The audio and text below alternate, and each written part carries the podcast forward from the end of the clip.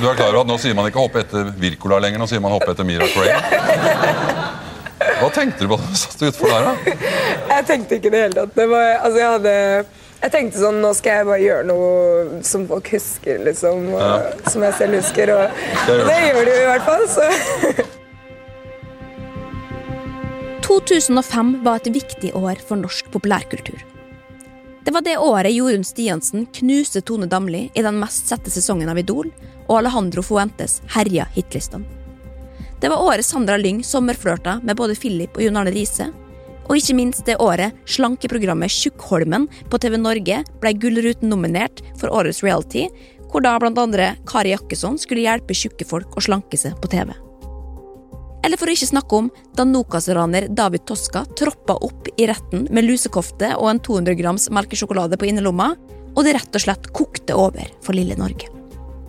2005 var også året hvor en helt annen stjerne satte navnet sitt på norgeskartet, nemlig Mira Craig. Oslo-jenta med det lure smilet og den grove stemmen, og med sin helt unike sound. R&B-stjerna som var klar for å ta over verden, men som kasta seg ut i det akkurat litt for tidlig til at noen var klar for å ta imot. Vi snakker selvfølgelig om fallet Mira Craig. Da en av Norges mest up and coming-artister stagedava fra scenekanten i Oslo Spektrum, men som endte i knuste kneskåler og avisoverskrifter.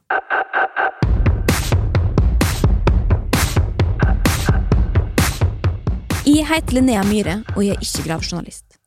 Men jeg er veldig interessert i alle detaljene du ikke visste at du trengte, og i dag skal vi grave tilbake i en helt unik hendelse i norsk historie. En hendelse som har gjort vondt på så mange måter, og som hvis man lukker øynene og bare hører etter, fortsatt kan høre lyden av, sjøl om man ikke var der.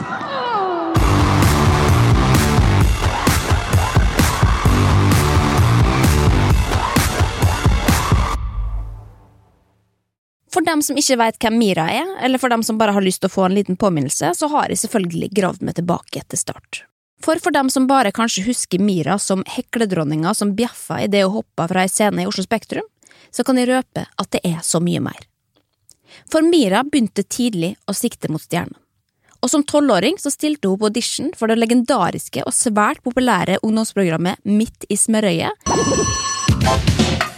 som gikk på NRK fra 88 til 98, og det var altså et program som annet har høsta kjendiser som Triana Iglesias, Bertine Zetlitz og Kroniklas Rønning, og i 94 så var det altså Mira Craig sin tur. Og hun blei en slags skuespiller og sanger i dette programmet, og sjøl om de aller fleste innslagene var av det ganske forglemmelige slaget, så må jeg si at jeg blei ekstremt sjokkert da jeg fant et klipp av den ukjente låta Gap opp på YouTube, hvor vi ser tolv år gamle Mira i et tannlegekostyme med munnbind og hele pakka. Jeg kommer langt hvis jeg er Men det er egentlig ikke Mirrors and appearance her som syngende tannlege for en jevnaldrende gutt i seg sjøl som er oppsiktsvekkende. Men han andre tannlegen derimot Veit dere hvem det er? Nei? Nei, for det er faen meg selveste Orji Okorafor fra Idol 2003, altså samme sesongen som Gaute Ormåsen og Kurt Nilsen var med, hvor han kom på en åttendeplass, og jeg kan ikke si så mye annet enn at ringen herved er slutta for min del, altså, og det før jeg i det hele tatt har fått begynt. Men the circle of life must go on. Og for Mira Craig så var det altså noen år i midt i smørøyet før hun gikk videre, og hun begynte å skrive på egen og litt mer avansert musikk enn for eksempel da Gap opp, som vi må få lov å kalle en flopp. Og i årtusenskiftet et par år seinere var 18 år gamle Mira travelt opptatt med å både finne seg sjøl og sin sound som artist. Og for det som er litt artig å tenke tilbake på da med 2000-tallet, og for øvrig den tida før det også, var at på den tida så fantes det noe som heter platekontrakt. Altså en slags kontrakt hvor man da i samarbeid med et plateselskap får lov til å lage og gi ut musikk, noe som på ingen måte var forbeholdt alle. Og den gangen var det tilnærma umulig å få ei slik kontrakt. Og den eneste veien inn var å gå rundt fra dør til dør og spille av en demo med noe skrell som du har spilt inn i et skap hjemme, og det var stort sett opp til én mann å bestemme hvorvidt du var god nok eller ikke. Og fy faen, altså, bare mens jeg er inne på det her, fordi når jeg søker litt på det store internettet rundt nettopp platekontrakt, så kommer jeg over en sak fra TV 2 i 2008 med overskrifta Hvordan få platekontrakt. Og da er det ikke bare rådene som er ganske episke her, for veit dere hvem som har ført denne artikkelen i pennen? Jo, det er God morgen Norges egen Peter Bubresko. Altså, fy faen, altså, jeg elsker Norge. Det er verdens minste, beste og rareste land. Men uansett, det er ti råd her til hvordan du faktisk får platekontrakt i 2008, da. Og den er nesten så god at de bare må ramse opp noen av dem, altså. Nummer én. Det er viktig å ha et talent. En del tror dessverre at de har et større talent enn det de faktisk har. Nummer to. Det kan ofte være lurt å ikke spille inn ei hel plate, da plateselskapene uansett ikke har tid til å høre på samtlige sanger. Spill inn de tre beste, og start med den låta du mener er absolutt best. Send plata til alle selskapene. Nummer tre. Word of mouth-effekten er viktig. Spill på så mange steder du overhodet kan. Nummer fire. Det er mye makt på internett. Lag din egen MySpace-side og spre musikken din til hele verden. Nummer fem. Ikke gi opp. Selv Beatles ble refusert da de sendte inn sine første demoplater. Og så, mine damer og herrer, det kanskje viktigste rådet, spør du meg da, men også hvor endene møtes. Oppdater det på hvem som har makt i musikkbransjen, og oppsøk steder hvor musikere og bransjefolk møtes. Nettverk kan være gull verdt. Se bare på Mira Craig. Altså, we love en god Mira-referanse, altså, og særlig som et godt eksempel på how to work a room karrieremessig. Uten at det nødvendigvis førte til platekontrakt for Mira, da, men det er ikke så viktig. For sjøl om platekontrakter lot vente på seg for Mira, så jobba hun målretta år etter år for å lage musikk. Og plutselig er det noe som løsner. For i anledning et norgesbesøk fra selveste Wycliffe Shaun i 2002, altså han som hadde en superhit i Norge og Sverige med Someone please call 911 Sammen med Mary G. Blige i 2000 så forteller han nå til VG ganske kryptisk om et talent han har fulgt litt med på i Norge, og som han nå visstnok skal lytte på demoen til mens han er her. Og det er jo selvfølgelig ikke hvem som helst, eller helt tilfeldig at det er nettopp Mira. For det veldig få veit, er at Mira og Y, som vi nå kaller den, da, allerede kjenner hverandre ganske godt. Mira har nemlig, og selvfølgelig kjent Why siden hun var 16 år, da de visstnok skal ha truffet hverandre på byen. Som vi må innrømme at jeg syns er litt rart. Ikke det at Mira har blitt kjent med henne, noe sånt, hun er jo tross alt queen of working a room her, men det å være 16 år på byen og henge med 30-åringer jeg veit ikke, altså, men jeg, skal ikke henge meg så mye opp i det. Men uansett, sommeren etter de skal ha blitt kjent, så skal da altså Y tilfeldigvis ha plukka opp Mira fra publikum under en konsert han spilte på Kortfestivalen, der hun da altså fikk lov å ropesynge sammen med han til nettopp superhiten. Someone please call 911, altså 911 da, som han egentlig heter, hvor til og med Snoop Dogg både skal ha vært og approved, og nå er altså Wycliffe tilbake for å følge opp og skryter til og med av Mira til Norges største avis og si at han har tro på at hun skal bli noe. Men skryt til tross, fordi Mira knipser selvfølgelig bare dette bort og sier at hun tar det med ei klype salt. Og i samme VG-artikkel gir hun følgende sitat. Ja, og apropos klypesalt, ta denne stemmen med klypesalt. God knows I try. Jeg synes det er veldig spennende at Wycliffe vil jobbe med meg, men han har jo ikke tatt seg ferie på seks år, og bandet det er booka i minst ett år framover, så vi må jo se når det passer inn. Jeg setter meg ikke ned og venter på at Wycliffe skal hjelpe meg. Jeg jobber fremover hele tiden, og det har jeg gjort siden jeg var 15. Og Mira har selvfølgelig rett. For selv om Y sprer om seg med skryt og lovord, så er det bare et spørsmål om tid før han stikker tilbake til USA i privatjetten sin, og det uten Mira. Men Mira gir nå faen nå, og hun veit at hun kan få til dette på egen hånd. Nei, Mira doesn't need no man altså for å løfte henne opp og fram, og nå er det dessuten noe som begynner å løsne for alvor her hjemme. Og med hitlåta Boogieman, altså den mest bjeffete av låtene hans, da, så klatrer hun oppover på hitlistene, hun begynner å få spillejobber på fester, og navnet hennes dukker stadig opp i media. Hun har dessuten begynt å hekle klærne sine sjøl, noe Norge selvfølgelig syns er veldig teit og stygt, da, og i en årskavalkade blant annet fra 2005 i Dagbladet kårer det som senere blei min motejournalist Sonja Wold ganske så freidig Mira til årets Mariah Carey med følgende begrunnelse. Om intensjonen er å se hjemmelaga ut med hekleriene, så har hun lykkes. Bare synd hun alltid går tom for garn. Ja, og det er noe sylfrekt, det, om jeg får si det, men akkurat innafor, da, kanskje.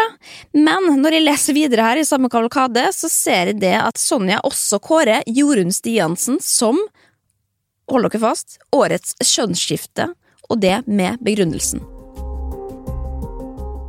Jorunn i hettegenser, vide bukser og helt kort hår.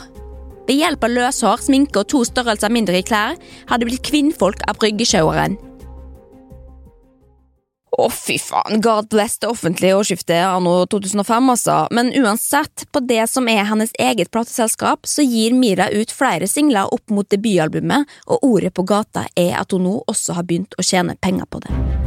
Og i en VG-sak fra desember 2005 kommer det frem at Mira til og med nå har opptrådt på storkarfesten til selveste finanskjendis Øystein Stray Spetal. Og med ingressen sitat, 'Holdt konsert i kjellerstuen da investoren arrangerte julefest for fiffen med tema glitter og glam', sitat slutt, så har resten av saken kun to setninger. Craig er en av flere norske artister som tjener meget gode penger ved å opptre på privatfestene til landets rikeste mennesker.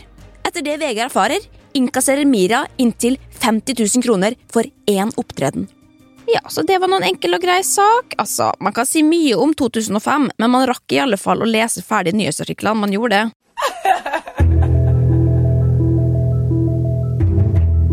Men omtrent samtidig som disse pengene tikker inn på kontoen, får Mira en litt større utfordring.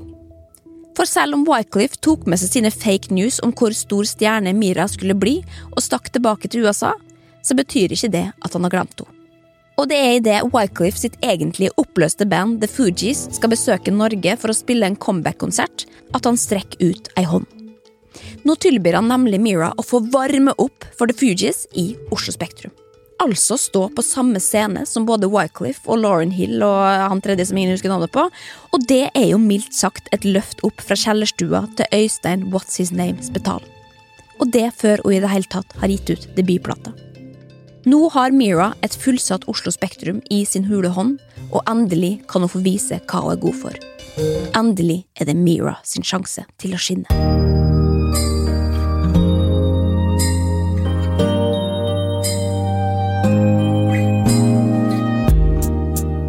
Det er en desemberkveld i 2005. Snøen har lagt seg på hustakene i Oslo sentrum, og folk haster frem og tilbake under julelysene i Karl Johan med handleposer fulle av Alohem-smykker, tigerbelter og Paul Frank-T-skjorter klart å pakkes inn i holografisk gavepapir og legges under juletrær landet rundt. Samtidig, litt lenger ned i sentrum, pågår noen helt andre forberedelser. Det er nemlig bare timer til The Fugees skal spille konsert i Oslo Spektrum, og folk strømmer til konserthallen, klare for å ta inn litt deilig 90-talls hiphop. Å herregud, her må jeg bare si altså, jeg får helt gåsehud av å tenke på det å ha muligheten til å gå på konsert og stå tett i tett oppi masse fulle og irriterende folk. Og jeg skulle helt uironisk gitt så jævlig mye for det, og jeg lover at jeg aldri, aldri mer skal klage på verken akustikk eller noe som helst i Spektrum eller Telenor Arena igjen, eller at folk eh, bryter intimgrensa mi. Det er ingenting jeg ønsker meg mer i dette herrens år. Men uansett, i 2005 går i alle fall desember som vanlig i konsertbransjen. I alle fall inntil videre, før Kurt skal stjele jula og okkupere Oslo Spektrum i hele desember i all overskuelig framtid. Nei, desemberkvelden den er enda ung, og The Fugees eh, ja, de skal vel på i nitida da sikkert, og da er det jo ofte slik at før den tid så kan man velge om man enten har lyst til å henge rundt i salen og få med seg oppvarmingsartisten, eller om man bare har lyst til å kjøpe seg en øl og rope til hverandre for å overdøve musikken. Og sjøl om oppvarmingsartisten ikke alltid er så hardt solgt inn i forkant, så er det likevel noen som finner glede i en liten musikalsk forrett før selve hovedrett og dessert. Og dagens lille forrett er altså Mira Craig. Litt nervøs går hun ut på den store scenen, til det jeg vil anta er en underveldende applaus, kjenner Norge rett. Ja, og før jeg går videre her, så må jeg rett og slett bare si, altså. Mira Craig sitt antrekk denne kvelden er faen meg så bra at jeg ble helt varm i kroppen. Det er så Miracrake som du får det, i ja, hva det er da, svarthekla trekant bikinitopp og med en slags rosa hekla bolero over. Og så har hun selvfølgelig helt bar mage, da, og noe som ser ut som en veldig sånn tynn, posete, hvit regnbukse. Og selvfølgelig med så lavt liv at man nesten kan se indre organer. Men som selvfølgelig er 100% on brand på dette tidspunktet, og med rumpetaske rundt livet i tillegg, så er looken rett og slett komplett. Ved hjelp av et par dansere bak seg i faktisk enda mindre klær enn hun sjøl, skal hun nå overbevise om at hun er verdt deres oppmerksomhet, så da er det bare å sette i gang dette sirkuset en gang for alle. Og det går egentlig ganske bra. Mira har jo tross alt hatt et par singler på radioen, og plata er ferdig og rett rundt hjørnet, så hun har noe greier på repertoaret. Og greit, så er hun kanskje ikke liksom like stor som eh, The Fugees enda, og sånn, men det er jo heller ikke poenget med oppvarmingsartister. Og dessuten så må vi aldri glemme at det finnes mange eksempel på oppvarmingsartister som har blitt større enn sine headliners. For eksempel, Katy Perry pleide jo å varme opp for No Doubt, og Lady Gaga hun var jo den kjerringa som ingen brydde seg om, mens publikum skreik utålmodig etter The Pussycat Dolls. Så det handler jo om å gripe muligheten og vise seg fram mens man kan. Og det er akkurat det Mira gjør. Hun synger for full hals, danser og koser seg, og tar scenen som om det skulle være hennes egen. Publikum spisser forsiktig på ørene og mumler til hverandre om det de hører. Et par trekker seg nærmere scenekanten, og noen kaster til og med et blikk i hennes retning. Og jeg kan forestille meg hvordan det må føles å vinne et publikum over på den måten. Å snu et i utgangspunktet uinteressert rom over til noe som kan minne om engasjement, som jo strengt tatt er egentlig en uh, umulig oppgave i Norge i det hele tatt. Med mindre du spiller foran 80 000 barn på VG-lista som skriker bare de ser en lydmann. Settet går mot slutten, og det går bare bedre og bedre. Folk viser rett og slett plutselig litt interesse for de bjeffende kvinnene på scenen, og de kommer stadig nærmere. Og ja, jeg veit ikke med dere, men hvis det var jeg som sto der oppe og så dette utspille seg foran øynene på meg, så hadde i alle fall min puls steget. Og finnes det egentlig noen annen måte å reagere på når man kjenner pulsen stige, enn å få overtenning? Nei. Så hva gjør man da? Når det hele snart er over, og man skal avslutte med den sangen flest har hørt, og kanskje noen til og med kan? Man får overtenning, selvfølgelig.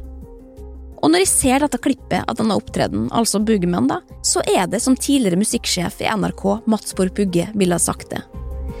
Dette er faen meg bra greier, ass! Ja, og du kan jo bare egentlig høre et par sekunder sjøl, så skjønner du jo umiddelbart hva slags stemning det er.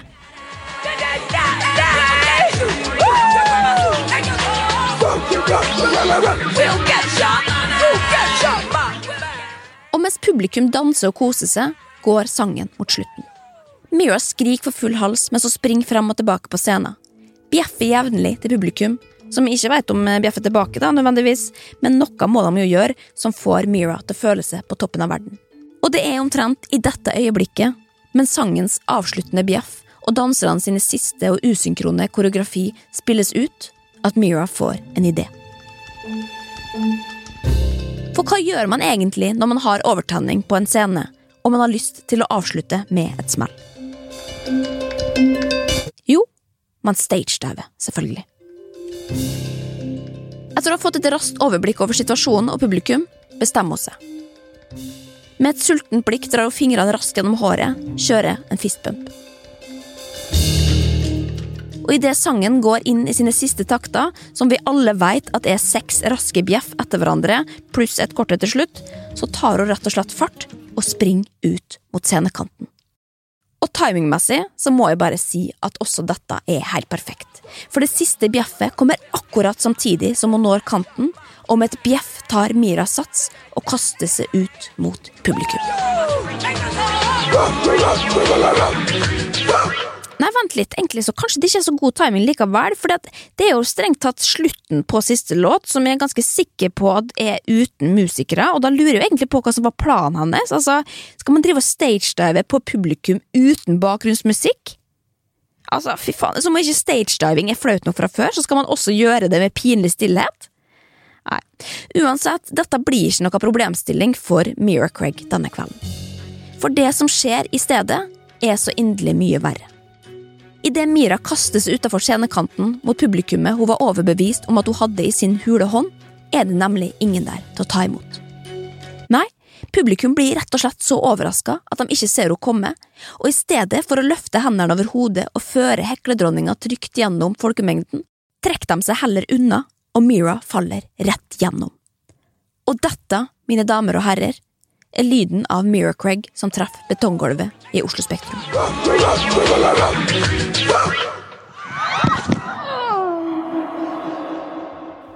Ja, jeg veit det. Det er rett og slett for jævlig vondt å høre. Men det som gjør Mira sitt svalestup enda verre å høre på, er kanskje hvor stille det blir. Hvordan publikum først så vidt gisper før det blir helt knyst i flere sekunder. Det er som om hele verden stopper opp. Og uten at de faktisk veit hvordan det så ut der framme, så får man følelsen av at alle bare står og ser på og venter på at noen skal ta ansvar, noen andre enn en sjøl. Men sjøl om stillheten etter dunket og Mira sitt dype sukk føles uendelig lang idet man venter på at noe skal skje, så går det egentlig ikke mange sekundene før noen bryter inn. Men det er selvfølgelig ikke på den måten man skulle ønske. Nei, det er selvfølgelig ikke noe annet enn en idiot som ler, og det er ikke bare én gang heller, men han knegler altså opptil flere ganger. Altså, bare hør på klippet en gang til.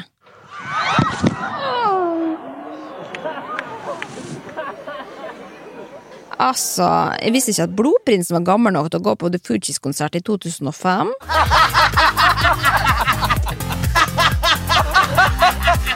Men sjøl om publikum ikke tok imot Myra, så er det heldigvis ikke alle som er like onde og ler når noen har hoppa fra en to meter høy scene og havna på et betonggulv heller, og Myra får hjelp. Eller hjelp og hjelp, eh, hun stabler seg faktisk opp på beina for egen maskin og hinker ut til Røde Kors, med det da som altså i etterkant skal vise seg å være blant annet en knust kneskål. Og før vi blir med Myra på legevakta, så må vi bare gjøre oss ferdig med konserten. For det var jo som sagt The Fugees folk var der for å se. Den sympatiske trioen fra Amerika, med Lauren Hill som skulle kille oss softly med sin sang, og Wycliffe som skulle ringe politiet. Og man hadde jo kanskje tenkt at dem, som sjøl har vært i gamet i så mange år, skulle ha litt medfølelse for sin 23 år gamle oppvarmingsartist som hadde vært uheldig og feilberegna sitt publikum. Men nei. For veit dere hva det første Wycliffe sier idet han går på scenen en time senere er? I heard somebody tried to stage dive here earlier.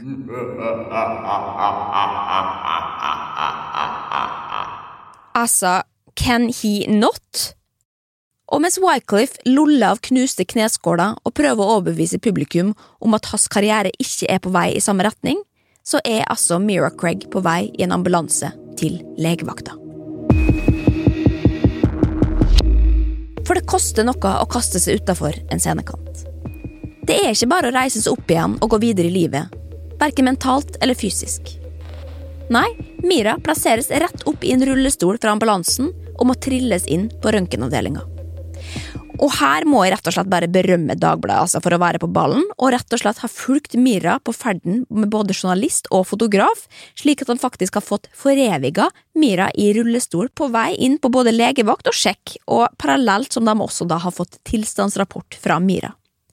Og det kanskje beste med alt er at Mira også bare sitter i rullestolen og fortsatt smiler, og har på seg sitt legendariske hekleantrekk enda, til tross for at det er desember og minusgrader ute, og hun ser rett og slett helt fabulous ut. Legende. Og med overskrifta 'Endte på legevakta' skriver Dagbladet følgende. Mira Craig varmet opp for superstjerne i The Fugees i et fullsatt Oslo Spektrum i går kveld. Opptredenens bokstavelig talt største nedtur var da Craig skulle forsøke seg på et stagedive som avslutning på showet. I ekte soloreklamestil kastet hun seg ut blant publikum i håp om varm mottakelse. Da publikum flyttet seg i siste liten, ventet bare et hardt møte med betonggulvet. Det var en forslått og pinlig berørt Mira Craig Dagbladet møtte etter konserten. Men noe må vi ha i bakhodet her, for selv om dette blåses opp til noe dramatisk og pinlig, så må vi aldri glemme at Mira faktisk tok dette ganske bra. For selv om vi kanskje syns det er flaut å deise i bakken etter ja, mislykka stagedive, så er Mira faktisk jævlig kul. Altså, Hun har definitivt selvinnsikt nok til å skjønne at det er litt flaut, altså, eller jævlig flaut, men det er med et smil at hun gir Dagbladet følgende sitat. Det var jævlig flaut. Jeg har faktisk aldri vært så flau i hele mitt liv. Jeg tenkte at jeg måtte gjøre noe kult i Spektrum, liksom. Derfor kom jeg på den lure ideen om at jeg skulle forsøke å stagedive.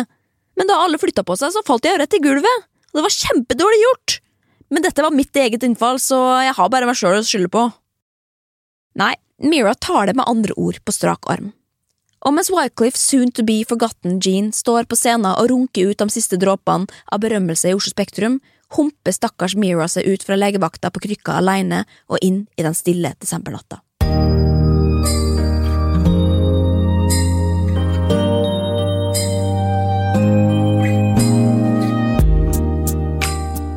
Og det blir en rar desember for Myra. For det har skjedd mye opp mot denne konserten og hennes kommende plate, og høsten har bydd på mange rykter og forventninger som nå ser ut til å pike. Mira blir annet beskyldt for å ha hatt et romantisk forhold til Craig David etter å ha vært i studio sammen, noe hun selvfølgelig nekter for, men som vi må få lov å innrømme at jeg syns er litt dårlig gjort, ettersom dette jo kunne blitt den beste navnekombinasjonen verden noensinne kunne ha fått lov å se. Se for dere at Mira og Craig gifter seg, og Craig hadde tatt navnet til Mira, så han kunne hete Craig David Craig? Nei, dette må jeg rett og slett si at er en missed opportunity så skandaløs at han burde fått sin egen episode, altså. Men uansett, en annen ting som også skjer omtrent samtidig som denne stagedivinga, er at Snoop Dogg, altså denne rappartisten da, som på den tida hadde svært høy anseelse i musikkverden, men som seinere har begynt å spille inn reklamefilmer for Klarna, han skal nå gi ut album. Og hvem er det som tilfeldigvis har vært bidragsyter på dette albumet? Jo, det er selvfølgelig selveste Mira Craig. Og dette har det visstnok vært prat om i lang tid, og det er selvfølgelig derfor også knytta store forventninger til norske Mira sitt samarbeid med Snoop Dogg, og Norge kan rett og slett ikke vente med å bli nevnt i pressen verden over, og gnir seg i hendene over tanken på alle rosen og omtalen de potensielt kan få. Og idet albumet kommer, så er det ikke helt det de hadde sett for seg. Jo da, Mira er med på et par låter og greier, og i Dagbladet sin anmeldelse så sier de til og med at hun gjør en god figur og sånn, men det er jo hele ti låter på plata, og Mira er bare med på to. Nei, skuffelsen er rett og slett til å ta og føle på, og det holder ikke å bli name-joppa verden over. Nei, det er rett og slett ikke godt nok. Og mens et skuffa Medie-Norge surmuler seg gjennom de siste ukene før jul, er det enda noe som gjenstår før vi kan komme oss videre. Vi har jo tross alt bare fått et lite innblikk i hva som faktisk skjedde denne skjebnesvangre kvelden i Oslo Spektrum. For hva var det egentlig som gikk gjennom Mira sitt hode den kvelden? Og hva er det hun tenker om det i etterkant? Og med sin beste featurejournalist på saken møter Dagbladet Mira like før jul for å la henne gjenfortelle det hele.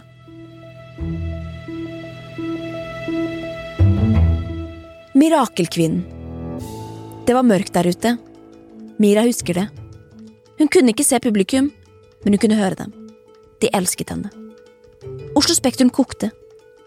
I hvert fall føltes det slik fra scenen der Mira hadde skreket som et dyr og vrikket på rumpa i vill glede, før hun mellom sangene på småjentevis fniste og snakket om hvor stort dette var, den største dagen i hennes 23 år gamle liv. Så skjer det. Og det kunne Miras foreldre fortalt deg på forhånd, for hun blir alltid sånn. Ivrig. Mira blir ivrig.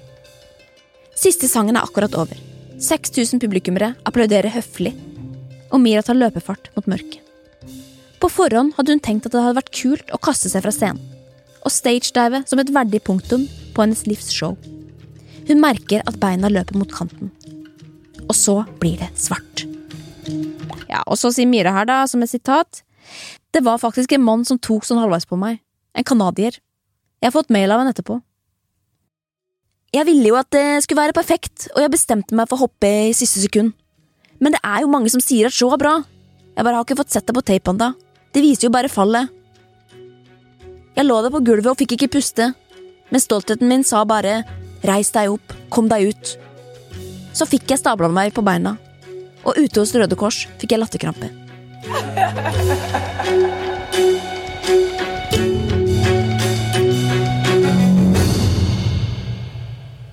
Og med det dyptgående portrettintervjuet kan vi forhåpentligvis endelig legge dette bak oss.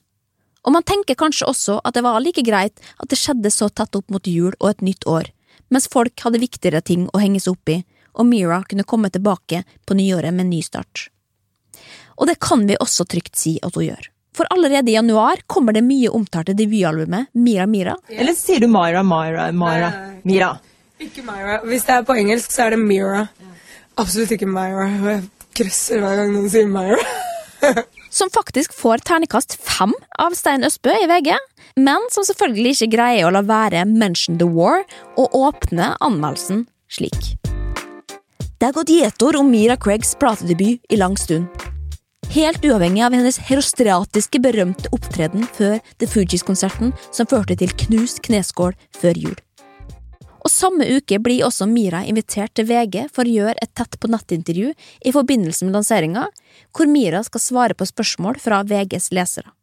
Og da er det jo selvfølgelig kun én ting folk har lyst til å vite, og VG-journalisten er også nysgjerrig på dette med å vite, så hun må rett og slett bare få det svaret før hun begynner. Du kommer til å få masse spørsmål nå. Det har jo kommet inn 2000 spørsmål på forhånd. Eh, sikkert veldig mange som spør eh, om du kommer til å tørre å stage-dive igjen etter det som skjedde i Spektrum. Hva vil du svare da? Jeg har allerede sett noen av de. Um, jeg kommer til å svare at det er en stund til jeg prøver noe mer sånt. jeg må liksom la knærne gro ordentlig igjen. I tilfelle. Og hvis du trodde at det var et originalt spørsmål, så kan jeg glede deg med at dette bare er begynnelsen. For i dette klippet som VG har valgt å kalle Mira viser rumpetrikset, så har også journalisten et annet viktig spørsmål, eller oppgave da, faktisk. Du har markert deg med et uh, spesielt image, ikke minst dansen. Kan du vise oss litt sånn nå i slow motion hvordan du gjør det? Slow motion, hvilken move da? Den som vi ser på videoen hvor du står med ryggen til og, og vrikker på baken, den er fin. For de som har lyst til å lære den. Altså, unnskyld meg, men spurte nettopp nå en voksen journalist, 23 år gamle Mira, om hun kunne twerke for VG? Bare at hun kalte det for stå med ryggen til og vrikke på baken? Den som vi ser på videoen hvor du står med ryggen til og, og vrikker på baken, den er fin. Ja, hun gjorde faktisk det, altså. Og hva gjør man egentlig da, når en voksen kvinnelig journalist i landets største avis under lanseringsintervjuet ditt ber deg om å riste på rumpa inni kamera, i tilfelle noen har lyst å lære seg det? Altså, Jeg vet ikke med dere, men jeg tror ikke jeg hadde turt å gjort noe annet enn å bare si ja. Og det er også det Mira gjør.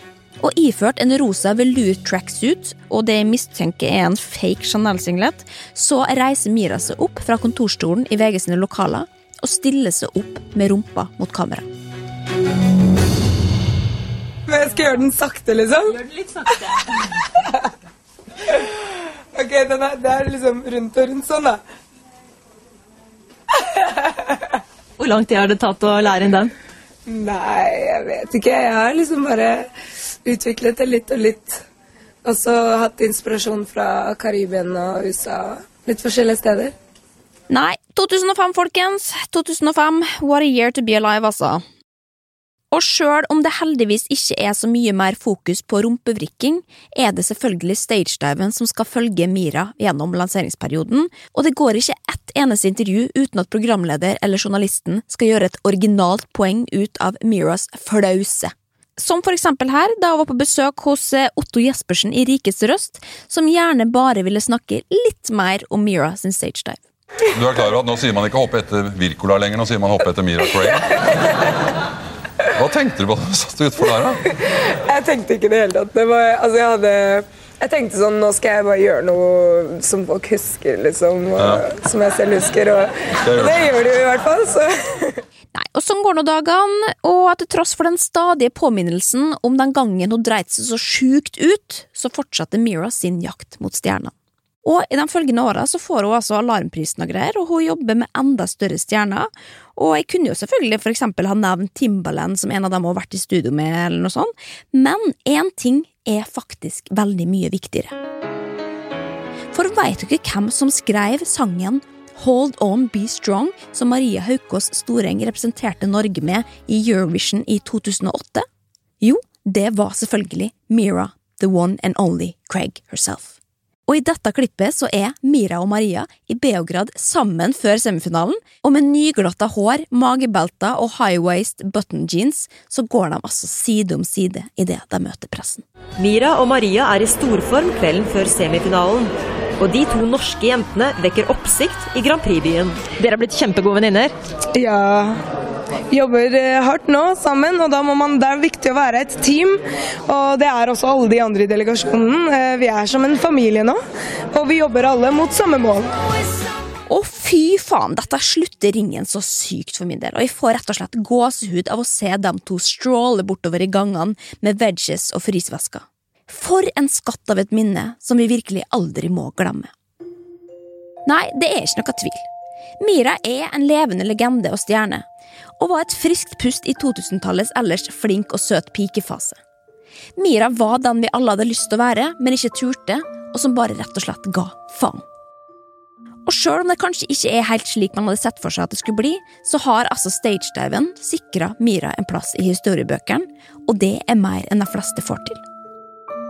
Og sjøl om hun kanskje ikke er like tydelig på stjernehimmelen lenger, så dukker hun fortsatt opp med jevne mellomrom, og i en sak fra 2018 i Dagbladet med overskrifta 'Dette gjør Mira Craig nå', forteller om både ny musikk, kleskolleksjoner og reality-deltakelser. Og det er faktisk bare et knapt år siden at hun kom ut med dobbeltalbumet O2, som er sikkert forkortelsen for oksygen, eller noe sånt, da, hvor hun da altså på platecoveret poserer med det som kan minne litt om Beyoncé sin Dangerously in Love-outfit, altså den der hullete diamanttoppen mot bar hud, bare at Mira sin versjon selvfølgelig er hekla. Og mens de fortsatt venter på comebacket, som skal løfte Mira opp igjen på hitlistene og på alle avisers forsider, så spørs det om den eneste måten hun kan vinne tilbake Norges oppmerksomhet og gunst på, er å sjøl arrangere konsert i Spektrum og kalle den for stagedive.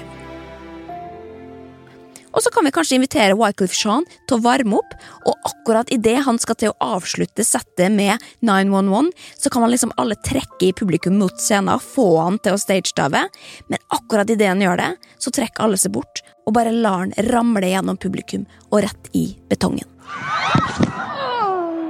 Og så kan han bare ligge der og kjenne litt på det før noen ringer 911 og får han vekk, og så er det Mira sin tur å gå på scenen og si Jeg hørte at det var noen som prøvde å stagedive her!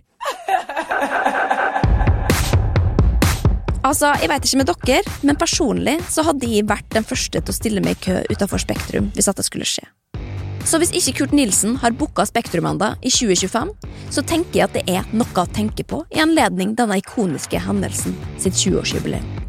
Men inntil det har jeg heller lyst å benytte anledninga til å hylle Mira sitt Stage Dice-initiativ en siste gang, og for å ha delt denne historien med oss. For å ha reist seg med knust kneskål, og for å ha vist oss hvordan håndtere en så offentlig flause. Du er en ekte legende, Mira. Stream Mira Mira på Spotify. Forresten, bare kjapt innpå her, hvis du har lyst på ikoniske throwbacks på Instagram ah, i form av bilder, da, så kan du følge Gi meg alle detaljene på Instagram, der vi jevnlig deler nydelige throwbacks til den beste tida i livet, nemlig 2000-tallet. Velkommen.